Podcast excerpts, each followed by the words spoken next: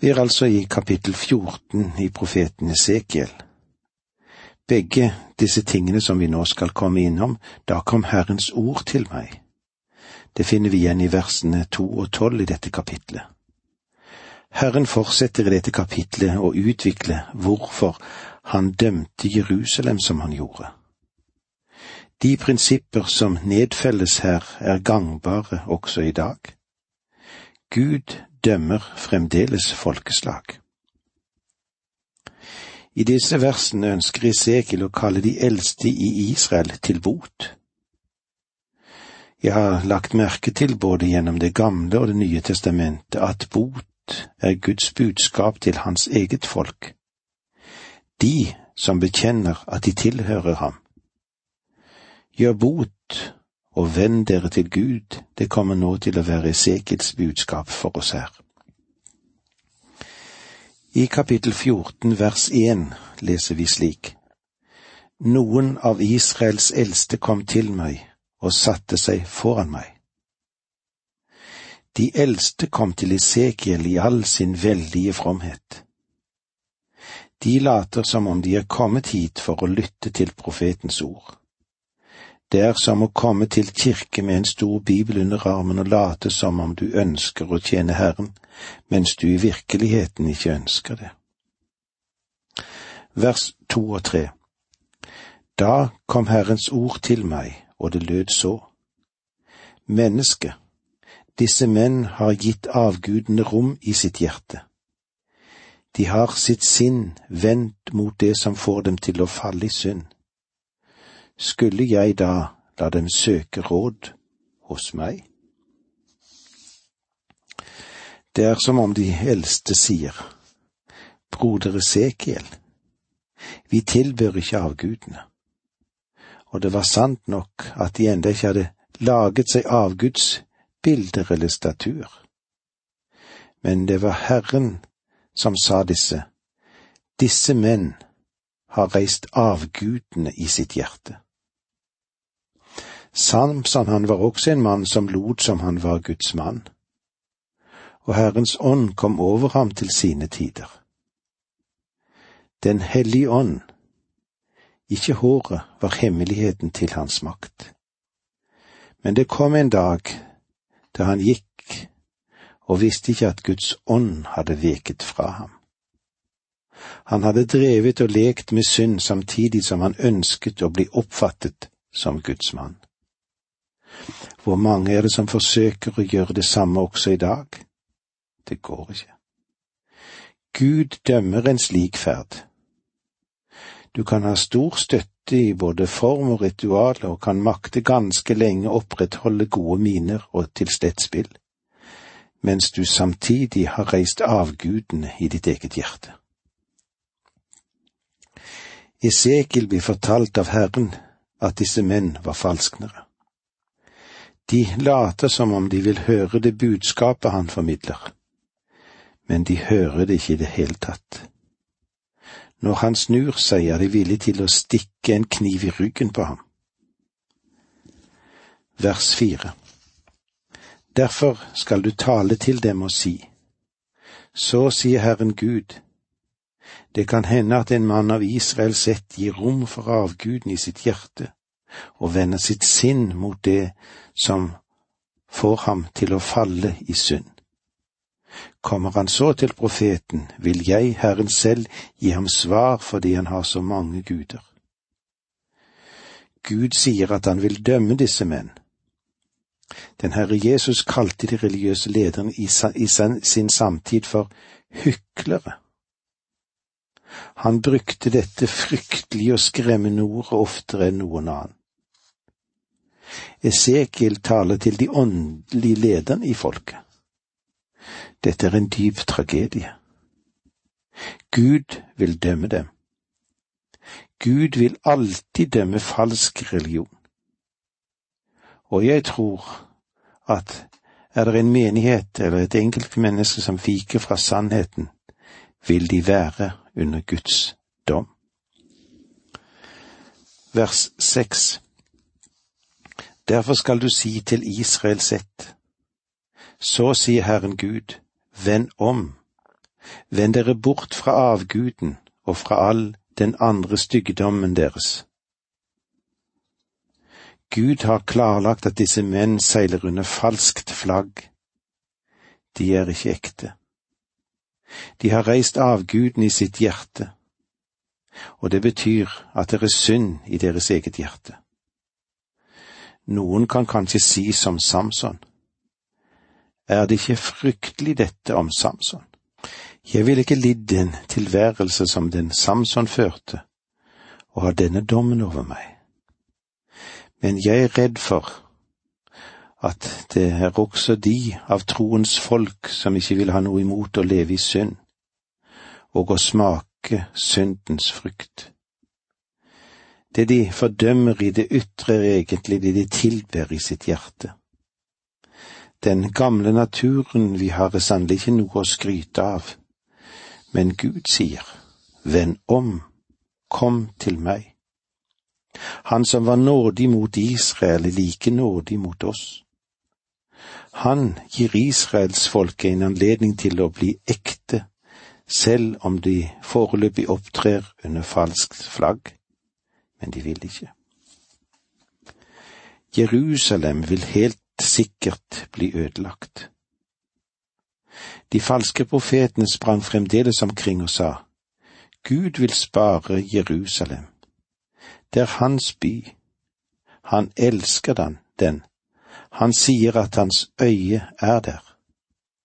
Og de kunne sitere en hærskar av bibelvers angående dette. Det er mulig å sitere en isolert del av Skriften, et vers eller to for å støtte vranglæren også i dag.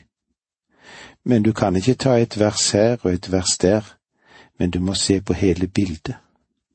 Skriften, den gir oss noe som vil avsløre de falske teoriene.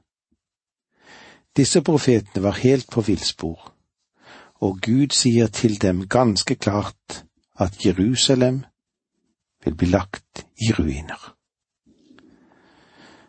Vers 12 og 13 Herrens ord kom til meg, og det lød så. Menneske, når et land synder mot meg og bærer seg troløst ad, da retter jeg hånden imot det og bryter i stykker brødstaven for det. Jeg sender hunger i landet og rydder ut både folk og fe. Gud sier til Esekiel, Byen har gjort opprør som har utviklet seg til en kontinuerlig oppstand mot meg. Jeg har gitt dem mulighet etter mulighet å vende tilbake til meg, men de vil ikke. Gud er ganske klar, og han mener det han sier. Dommen, den er uunngåelig. Hør hvor alvorlig han ser på denne saken. Vers 14 om disse tre menn, Noah, Daniel og Jobb, var der, kunne de med sin rettferd bare berge sitt eget liv, sier Herren Gud. Om Noah hadde vært i Jerusalem, sier Herren, så ville de ikke ha hørt på ham heller. Bare tenk på hvilken advarsel Noah ville ha representert for disse menneskene. Men folket på Noahs tid hørte ikke på ham og folk i Jerusalem ville heller ikke hørt ham om han hadde vært der. Av og til må jeg smile litt av det engasjementet som har vært utvist gjennom årene å finne Noas ark. Det er mulig at man vil finne rester av den, men la meg få lov til å stille dette spørsmålet. Hvor mange troende tror du det blir som et resultat om den blir oppdaget? Om Noah selv hadde vært her i dag, hvem ville ha trodd ham? De ville kalt ham en surrekopp. De ville ikke ha lyttet til Noah, og de ville ikke ha lyttet til Daniel. Nebukaneser, han hørte på Daniel, og merk deg det. Hvilket vitnesbyrd det er om Daniel. Og der, i tempelet, til verdens første hersker, Nebukaneser. Der befinner Daniel seg. Babylonerne de kjente Daniel, og de visste at han var Guds mann. Men Herren sier til israelittene verken Ville de ha lyttet til Noah, eller til Daniel, eller Jobb? Hvem lytter du til? Det var så langt vi kom i dag. Takk for nå, må Gud være med deg. Dette undervisningsprogrammet består av to deler. Åge Nevland fortsetter nå med andre del av dagens undervisning. Vi er i profeten Esekiel, og vi ser hvilket budskap han har å formidle til datidens mennesker, og hvordan vi kan makte å nå frem med budskapet til nåtidens mennesker, hvor vanskelig det er å få det til. Vi husker at Daniel fikk bære frem et budskap til Nebukaneser. Men Herren sier at Israel, israelittene de verken ville ha lyttet til Noah eller til Daniel eller til Jobb. I vers 17 i det 14. kapittel leser vi slik. Eller hvis jeg sendte sverd mot land og sa, sverd, dra gjennom land og utrydd både folk og fe. Gud sier at han har til hensikt å la sverdet fare over landet. Han vil tillate at Nebukaneser kan innta landet, og han vil ødelegge det. I vers 20, kapittel 14, leser vi slik. Da kunne Noah, Daniel og Jobb, om de var der. Så sant jeg lever, sier Herren Gud, verken berge sønn eller datter. Ved sin rettferd kunne de bare berge sitt eget liv. Noah ville ikke ha vært i stand til å frelse sin egen familie en gang i denne byen. Ved sin rettferd kunne han bare berge sitt eget liv. Daniel berget et par riker, men om han hadde vært i denne byen, så hadde han kunnet bare ha hjulpet seg selv, han kunne ikke ha hjulpet dem i det hele tatt og det er grunnen til at Gud fikk Daniel ut av Jerusalem. Guds folk ville ikke ha lyttet til ham, men en gammel hedens konge i Babylon lyttet til Daniel og gjorde ham til statsminister. Og så kommer spørsmålet til oss, hvordan er det i vår menighet, i din menighet? Vil folket lytte til Guds ord? Om folk i kirker og bedehus ikke vil lytte til Guds ord, så kommer han til å dra utenfor vår leir der folket vil ta imot det. Daniel ville ikke ha oppnådd noe i Jerusalem, men han ble gjort til landets fremste mann i Babylon, og den gamle hedenske konge lyttet til ham. Gud vil av dem som er villige til å lytte til evangeliet, også få høre det. Vi går nå over i kapittel 15, og her vil vi se hvordan det er med synet med vinranken. I dette kapitlet vil vi se lignelsen om vinranken som ikke ville bære frukt. Vinranken er et av bildene på israelsfolket. I Jesaja fem er den vingården som beskrives for folket Israel. Det behøver vi ikke å spekulere på, for Jesaja han sier, for vingården til Herren allers Gud, det er Israels hus. I fra vers to til fire i Esekiel 15 leser vi slik. Menneske, er vintre bedre enn andre trær? Vinranken som står blant trærne i skogen? Kan veden av det brukes til emne? Eller kan en lage en knagg av den til å henge alle slags redskaper på? Når veden blir brukt til brensel, så blir den brent i begge endene og svidd på midten. Duger den da til emne? Gud gjør en ganske interessant sammenligning her. Hva er hensikten med vinranken? Den Herre Jesus brukte også vinranken som et bilde på de troende i dag, slik som vi finner det i Johannes 15.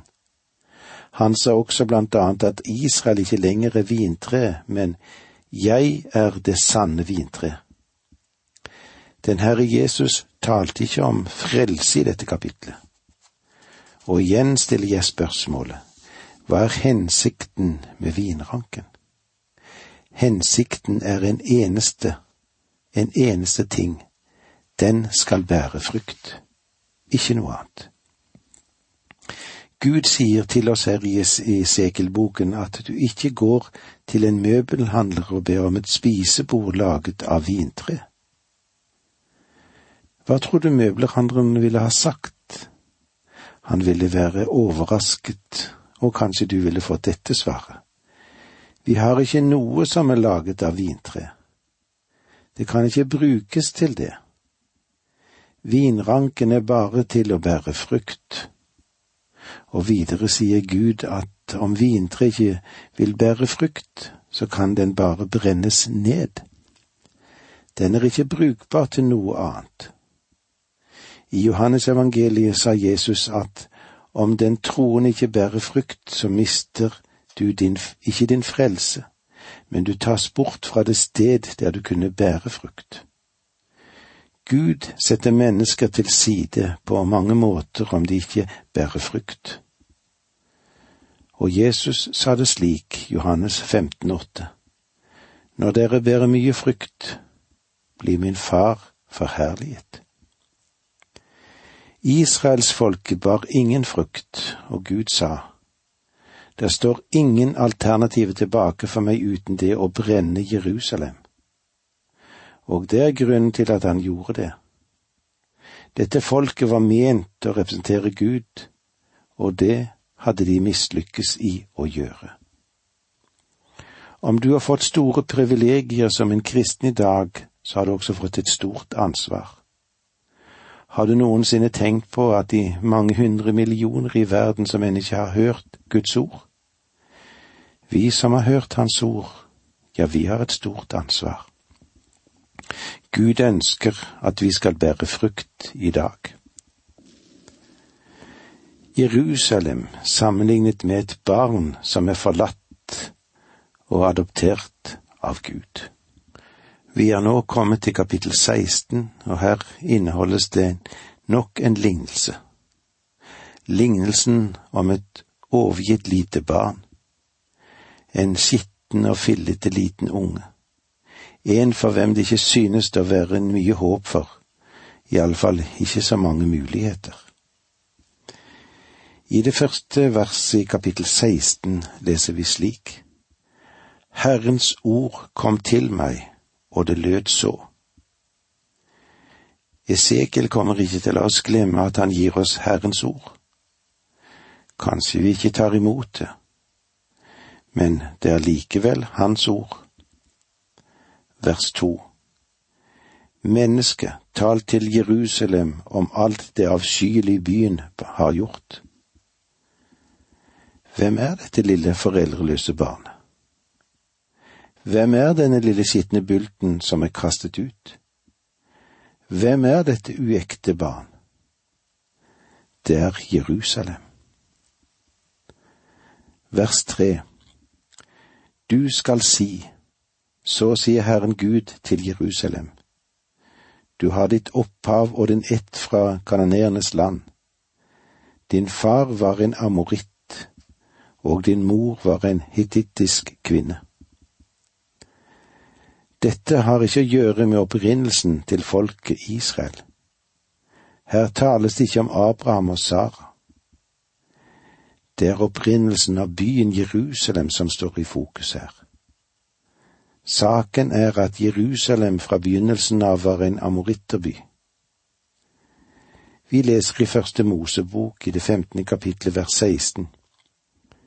I det fjerde slektledd skal de, nemlig israelittene, komme hit igjen. For amorittenes syndes skyld har ennå ikke fylt sitt mål. Jerusalem var også en hetittisk by. Hetittene var et stort folk, og en gang kontrollerte de også dette landområdet. Det er bakgrunnen for Jerusalem, så den har ingenting å rose seg av.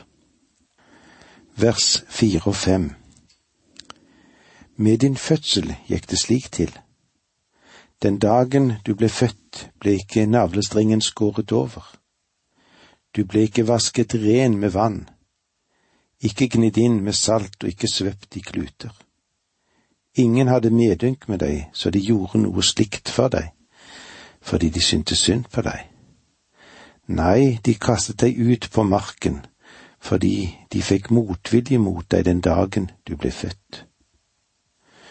Hun var en foraktet, foreldreløst barn som var lempet ut, forkastet og ikke dratt omsorg for. Versene seks til åtte. Da gikk jeg forbi og så deg der du lå og sprellet i ditt blod, og jeg sa til deg, du som ligger der i ditt blod skal leve, du skal leve og vokse. Som blomsten på marken gjør jeg deg, og du vokste og ble stor, ja, du ble en meget vakker kvinne. Brystene ble faste og håret vokste, men du var naken og bar.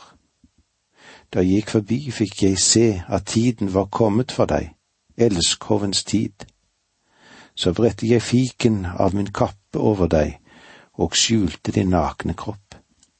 Jeg sverget deg troskap og sluttet pakt med deg, og du ble min, lyder ordet fra Herren, Gud. Gud sier til Jerusalem, Jeg adopterte deg og gjorde deg til mitt barn. Vi vil komme mer inn på dette når vi møtes igjen neste gang, men det var så langt vi kom i dag må så Guds nåde og fred være med deg.